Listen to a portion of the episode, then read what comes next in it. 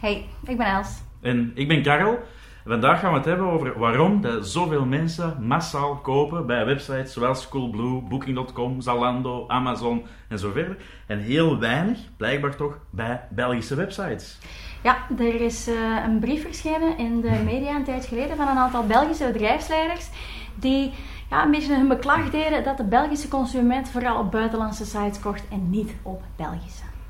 Nu, ik vind dat persoonlijk eigenlijk een heel goede zaak. Een oproep om Belgisch te kopen, om onze lokale economie te steunen. Maar ik heb daar toch ook een klein beetje een wrang gevoel bij. Ehm, vooral omdat ja, een beetje de verantwoordelijkheid vooral bij de consument leek gelegd te worden. De consument moet Belgisch kopen. Hmm. Nu, online zou je kunnen zeggen, is het misschien niet altijd duidelijk of een .be-website nu specifiek van een Belgisch bedrijf is of van een mm andere nationaliteit.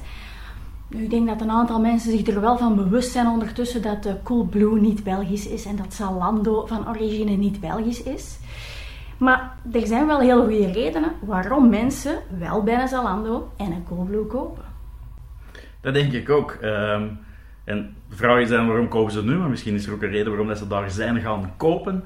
En dan denk ik dat er twee elementen ongelooflijk uh, belangrijk zijn. Ten eerste dat die websites wel heel gemakkelijk zijn om te gebruiken. Mhm. En dat ze klantvriendelijkheid echt van A tot Z doortrekken. De klant staat er echt constant centraal. Oké, laten we het eens hebben over dat eerste puntje. Met name, die websites zijn super gemakkelijk om te gebruiken. Het is er gemakkelijk om iets aan te kopen. En volgens mij is dat ook altijd zo geweest. Uh, ik herinner mij helemaal in het begin denk een van de eerste webwinkels hier in België was proxies.be. Dat heeft ook nog lang bestaan, bestaan nog altijd. Heb ik ontdekt? Ja, absoluut. Die zijn in 97 begonnen. Uh, Bol.com is in 99 begonnen. Dus eigenlijk had proxies.be al het first mover advantage, zo gezegd. Maar ik herinner mij vooral uit die tijd dat dat heel moeilijk was om daar iets te kopen. Mm ik was een van de eerste internetmensen in België. Ik denk dat iedereen dat in die tijd online zat, dat wij goesting hadden om online te kopen. Dat internet was iets nieuws. dan gingen we naar die Belgische website en dat was ik weet niet moeilijk om daar iets te vinden. Je scherm, je kreeg foutmeldingen, je zoekopdrachten lukte niet. Ik herinner mij, dat is al niet in 97 geweest, maar dan één of twee jaar later, dat mijn vrouw er ooit iets heeft willen kopen, een boek. Mhm. En ze, dacht dat was gelukt, maar ze heeft die een boek nooit niet toegekregen. Dus ik weet nog altijd niet, is dat niet gelukt? Is het wel gelukt? Is er iets mislukt met die verzending? En ik ben toen al beginnen kopen bij Amazon. En dat was simpel om te gebruiken. En dat was duurder. Mhm. Ik denk zelfs veel duurder, want ik denk dat Amazon toen alleen nog maar in Amerika bestond. Dus als de douane nu het bakje opende, moesten nog importrechten betalen van die toestanden. Maar dat ging gewoon vanzelf. En ik koop eigenlijk nog altijd mijn meeste dingen bij Amazon. Omdat ik dat zo gewoon ben, omdat dat zo fantastisch goed gaat. Ik koop heel weinig bij bol.com bijvoorbeeld. Ik ben ja. een gewoontedier. Ik denk effectief dat dat uh, ja, voor heel veel mensen geldt. Dat mensen effectief gewoontedieren hm. zijn. En ja, hoe dat je het ook draait of keert, die klantenervaring waar je het over hebt, die is gewoon super belangrijk. Um, en ja, online is dat nog belangrijker dan offline. Het is een cliché, hè, zo. De concurrent is maar één klik verwijderd. dat is lang geleden dat we die nog gebruikt hebben. Maar clichés zijn clichés, omdat ze waar zijn. Dat is ook gewoon zo. Als mensen gefrustreerd raken, dan klikken ze weg. Offline moeten mensen moeite doen om naar een andere winkel te mhm. rijden. Niet meer. En laten we wel wezen, sorry, Belgische ondernemers.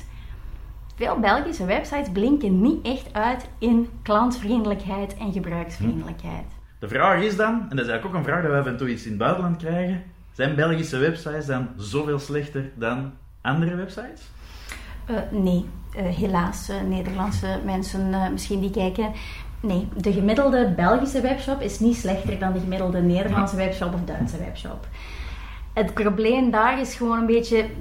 Wij hebben als Belgen geen toppers. Wij hebben geen Coolblue, wij hm. hebben geen Zalando, wij hebben geen Amazon. En het punt is, ja, die toppers zijn toppers geworden omdat zij inzetten op datgene wat echt telt om groot te worden online. Klantentevredenheid. Het principe van customer first. Ja, dat is zo. En wat volgens mij weinig mensen beseffen is dat... Van een Amazon weten we dat, maar ik veronderstel ook dat die anderen dat echt doen, is dat het geld dat ze verdienen, dat ze dat echt terug investeren in... Je zou dat productontwikkeling kunnen noemen, maar hun productontwikkeling draait rond die klant. Ik herinner mij een aflevering Het is ook een foto die op internet om de zoveel tijd is opzuigd. Maar het is ook een aflevering geweest eh, op een Amerikaanse documentaire. In 1999, dat ze Jeff Bezos in zijn bureau gingen bezoeken. Amazon is toen al een paar miljard uh, dollar waard. En die reed naar zijn werk met een afstandse Honda Accord. En zijn tafel, dat was een kapotte deur op een schraag. En je zag een interview echt zo kijken van, wat gaat deze en dat kan niet serieus zijn. En Jeff Bezos zit daar en die zegt, ja, maar wij investeren al het geld dat we verdienen in de klant. En wij geven geen geld uit aan dingen die de klant niet aanbelangen. En ik denk dat dat iets is waar heel veel bedrijven heel veel van kunnen leren. Ja, Karel, je hebt het nu over Amazon. Ehm, die hebben natuurlijk effectief ondertussen gigantische budgetten. Dat is iets wat ik ook vaak hoor als reden waarom effectief ja, onze Belgische mhm. bedrijven achterop hinken. Wij hebben gewoon die budgetten mhm. niet. Dat klopt. Maar dat klopt eigenlijk alleen maar voor een stukje, vind ik. Want Jeff Bezos die is in 1994 begonnen in zijn garage. Booking.com is opgericht door een Hollandse student. Ik denk omdat hij zich verveelde tijdens de lessen. En toen hadden die ook nog niet massaal veel geld. Maar uiteraard, eens dat je website begint te draaien en je durft te investeren, dan heb je meer geld. Het is ook wel zo dat een Amazon en zeker een Zalando, dat weten we, dat die in de beginjaren serieus wat verlies hebben gemaakt. Maar dat is nu ook niet meer. Nu maken die winst. Of Amazon maakt misschien iets minder winst, maar dat is omdat ze dat geld investeren in nieuwe research en development. In hun website altijd maar beter en beter maken. En ik hoor het u graag zeggen, maar ik herinner mij heel goed in 2001, want toen hebben wij ons eerste Belgian Web Usability rapport geschreven. Mm Hebben wij de website van Brantano gesproken. En toen stonden in de persberichten: Brantano investeert 620.000 euro in een nieuwe website. Dat was ongezien in België. En iedereen dacht dat gaat wel een fantastische website worden. Dat is ook ongelooflijk veel geld. Dat is waanzinnig veel geld. En als je je website zeker afvraagt, waaraan hebben ze dat geld uitgegeven? Uh, ik weet het, ik herinner het mij nog. Brantana had toen, denk de allerbeste productfoto's ooit. Uh Zalando is pas acht jaar later ontstaan. Die hadden dat niet. 3D-foto's in alle perspectieven. Maar om aan die schoenen te raken, dat was een ramp. Ik heb nog wat screenshots gevonden uit die tijd. Alrighty. Oké. En die website die begon met een flash intro. Met een manneke dat kwam aangereden en die een kar vol met schoenen vooruit trok. En daaronder, en voor de meeste mensen was dat buiten beeld, konden kiezen tussen Nederlands en Frans. en dan had u taal gekozen. En dan kwam op een website waar dat eerste jaar al zeker, ik heb hier verschillende screenshots bij, geen enkele schoen heeft opgestaan, of toch niet een schoen om te kopen. Wel, u kon nu een oude schoen inleveren en dit en dat. Ehm, die website die had ook 21 navigatie-items. Daarvoor moet ik niet naar die website kijken, want dat herinnert mij nog uit alle opleidingen die ik toen gaf.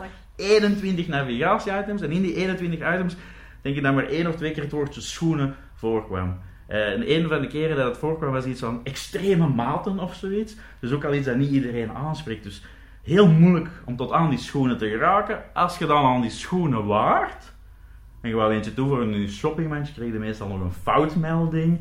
Dat een HTTPS en de beveiligingscertificaten niet klopten. Ja, dan lukt het niet. Hè? Als mensen er zoveel moeten, zoveel bron moeten, zoveel moeite moeten doen, dan gaan ze niet kopen. En ik weet dat dat heel lang geleden is, maar een slechte ervaring, dat blijft wel heel lang hangen. En zoals dat jij zei, die andere website is maar één klik verwijderd. En dan gaat er naar een website die beter is. Dus veel geld is niet altijd de weg naar succes. Je moet ook weten waarom je dat geld uitgeeft. Mhm. Ja, en we hebben het nu gehad over eigenlijk ons eerste puntje, mm -hmm. gebruiksvriendelijke websites. Absoluut. Ik zou het toch ook willen hebben over het tweede puntje eigenlijk. Het feit dat de hele klantenervaring klopt bij die buitenlandse concurrenten. En dan gaat het verder dan de website. Dan gaat het niet alleen over het feit dat je dat product gekocht hebt, maar ook dat als die betaling is afgerond, die bevestigingspagina heel vriendelijk is en af en toe grappig als dat bij een merk past. Ja. Coolblue is daar een goed voorbeeld van, denk Absoluut, ik. Absoluut, fantastisch. Hè? Het wachtfilmpje om, uh, om, je, om, je, om je doos uit te pakken. Um, het feit ook dat je een, een deftige bevestigingsmail krijgt, dat je kan opvolgen waar je pakje zit als je een mhm, mhm. ongeduldige shopper bent. Het feit dat dat pakje zelf heel schoon verpakt is. Dat daar meteen de doos een... dat iedereen herkent. Absoluut. Waar dat ze ook campagnes rond hebben gedaan vroeger. Neem er een foto van, ik weet niet of dat er nog altijd op staat. Ja. Waar dat mensen foto's gingen posten met hun kat in die doos en van die toestanden. Ehm, het feit ook dat de retourband er heel vaak gewoon standaard in zit. Makkelijk om terug te sturen. En dat er niet moeilijk gedaan wordt over retourneren. Het is niet van, je hebt 2,5 dag om het terug te sturen. Eh, relax. Alles gaat heel vlotjes. En die klantenervaring, heel dat plaatje, als dat klopt, dan is iemand content. Absoluut. En dan koop je ook met ja, vertrouwen en Absoluut. plezier terug bij diezelfde winkel. Ik denk dat dat heel belangrijk is, van ervoor zorgen dat iemand de volgende keer terug bij je koopt. Hè? Want Coolblue is niet de goedkoopste, dat is wat veel mensen denken, maar dat is niet. Maar je koopt daar omdat dat zo'n goede service is. Ik herinner mij ook nog in de beginperiode, dat zeker van Booking.com, dat was een van de eerste websites, als je het had gereserveerd, kreeg je een mail waar dat niet gewoon in staat, ah, het is gelukt. Maar dat er effectief, je kon dat toevoegen aan je agenda, er stond een link naar de wegbeschrijving in. En die hadden nu geld geïncasseerd, maar toch gaven ze service. En dat is eigenlijk een stuk dat nog altijd heel veel winkels ontbreekt, online en offline. En wat mensen moeten onthouden is dat de klantentevredenheid, die kan nooit hoger zijn dan de slechtste ervaring dat mensen hebben gehad in heel die keten. Dus het kan zijn dat je shoppingproces misschien goed was, maar je daarna een stomme mail krijgt, of je kunt je pakje niet deftig terugsturen, ja, dan heb je ook nog altijd een slechte ervaring gehad. En dat is ontzettend belangrijk geworden, veel belangrijker dan vroeger. Ja, en uiteraard praten mensen heel vaak over die slechte ervaring, maar ook andersom is waar. Als mensen een fantastische ervaring hebben, gaan ze dat ook delen. Ik zag nog maar deze week een tweet passeren van onze vriend Dave, die dat bij Coolblue iets had gekocht. Dat was blijkbaar niet wat hij had verwacht. En hij wil dat terugsturen en Coolblue zegt, nee, hou het maar bij. Ja, het ging niet over iets van 5 euro, het ging over een serieus bedrag. En dat is natuurlijk een extreem voorbeeld, maar die tweet daar direct over. Die zal aan zijn vrienden vertellen. En volgende keer gaat hij terug bij Coolblue kopen. En ik zeg niet dat je tot zover moet gaan, maar je moet wel dat basisidee vasthouden. En dat is met name die klantvriendelijkheid van A tot Z. Van heel die keten doorlopen. Ik denk dat we zo tot de oorzaak van het echte probleem zijn gekomen als de klant. Alleen ik bedoel niet dat de klant de oorzaak is, maar het feit dat die bedrijven niet of niet op tijd hebben beseft hoe belangrijk dat, dat is, die klant. Wat we in het begin zagen, ik denk dat er verschillende oorzaken zijn, maar in het begin was een websiteproject vaak een IT-project. En ik zeg nu niet dat dat niks met IT te maken heeft, maar dat is de achterkant. En de kunst bestaat erin om ervoor te zorgen dat je iets maakt dat de klant niet ziet dat het een IT-project is. En dat was in het begin, liep dat wel iets fout. Ik herinner mij de eerste versies van de website van Colruyt en de lijzen en zo. Ja, dat was gewoon de databank online gezweerd. Je zag heel die structuur bijna van hoe dat zij intern voedsel categoriseerden en hun producten categoriseerden. En dan moest jij daar maar gaan uitzoeken als klant. En ja, zo werkt het niet, hè. Nee, Eh, ik moet zeggen, ehm, IT valt niet helemaal de schuld te geven. Mhm. Want na IT eh, zijn die projecten eigenlijk in de schuld van marketing terechtgekomen. En toen ja, is de focus precies gekomen op het visuele. Van hoe dat je website eruit ziet. De bling bling. De bling bling. Ah, de look and feel, zoals, eh, zoals we zeiden. En die website moest dan vooral heel mooi zijn. Terwijl, ik ga niet zeggen dat de website er niet goed moet uitzien. Laten we heel duidelijk zijn, de website moet er goed Mhm. uitzien. En professioneel, anders bestellen mensen ook niet. Maar, het moet wel veel verder gaan dan dat. Ah, zoals eh, Steve Jobs al zei, design is not just what it looks like or feels like. Design is how it works. En ik denk dat Apple toch ook af en toe wel een paar producten verkocht heeft. Dus eh, voilà. En ook, je ziet dat ook bij sites als een Booking en een, een Amazon. Opnieuw, sorry, het zijn altijd dezelfde voorbeelden, maar het zijn ook die sites die zo succesvol zijn. En die zijn dat met een behoorlijk Mhm.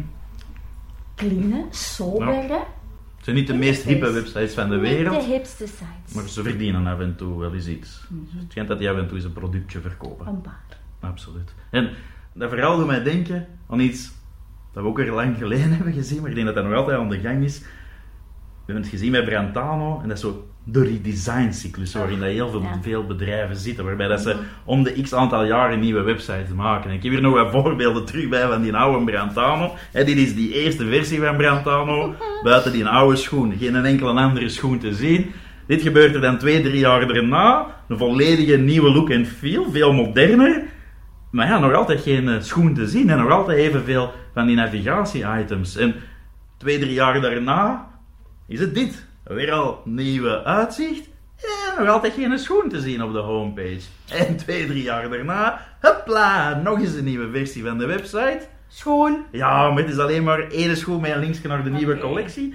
En voor de rest, heel veel ballast en zaken die er er niet toe doen. En voor alle duidelijkheid, ik heb niks tegen Brandaan. Het is gewoon een voorbeeld dat ik toen in mijn opleiding altijd mee had. En dat ik gewoon naar die websites ging kijken. En het is echt een schitterend voorbeeld van die redesign-cyclus. En dat mensen, ja, of die web-eigenaars, of dat je het moet noemen, dat die vooral naar dat uiterlijk gaan kijken van hun site.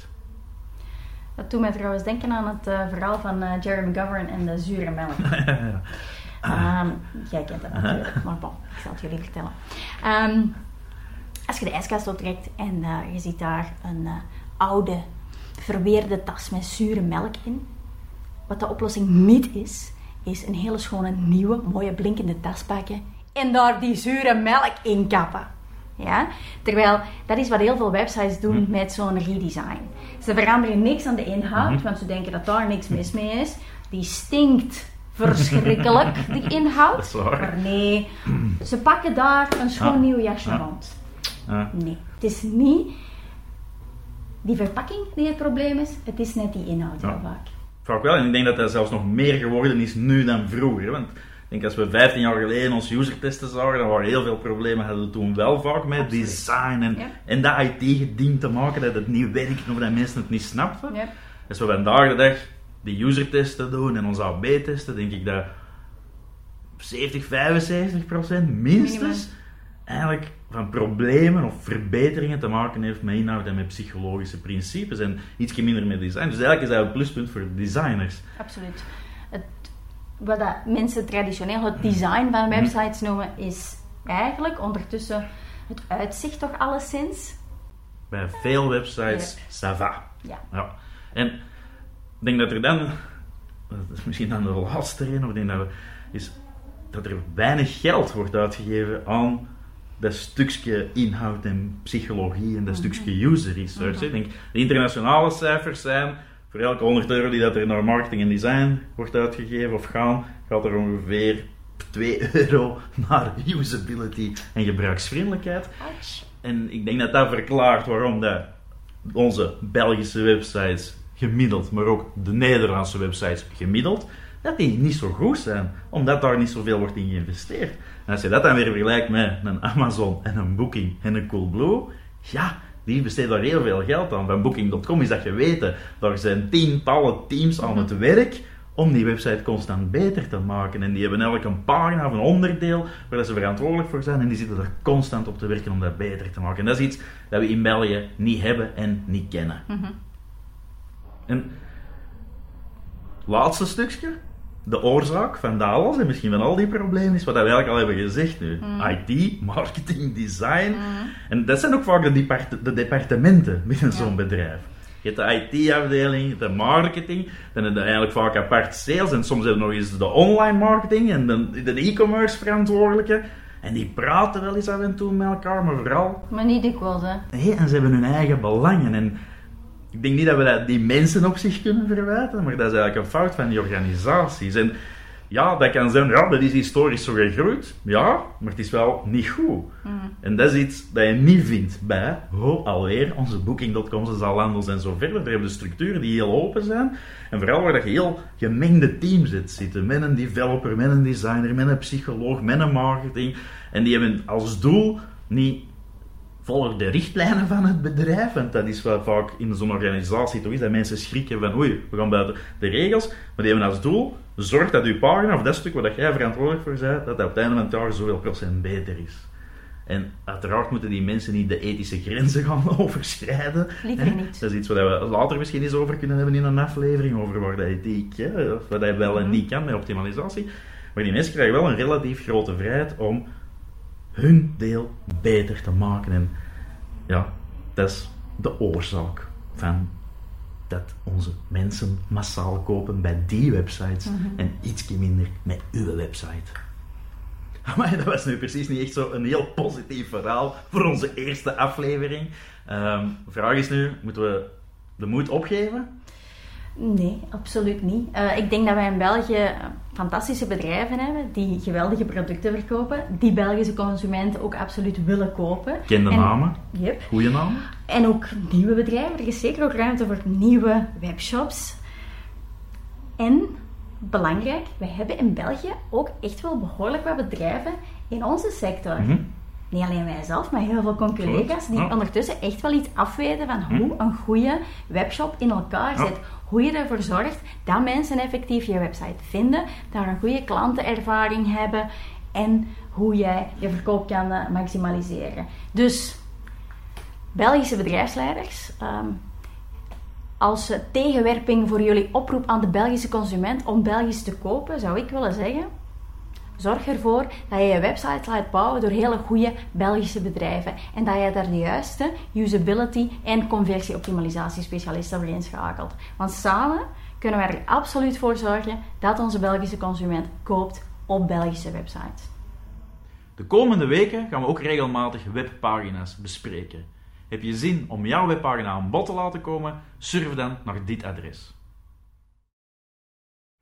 Heb je een vraag voor ons? Een prangend usability of conversieoptimalisatieprobleem? Stel dan je vraag via e-mail. En wie weet komt het antwoord wel aan bod in een van onze volgende afleveringen.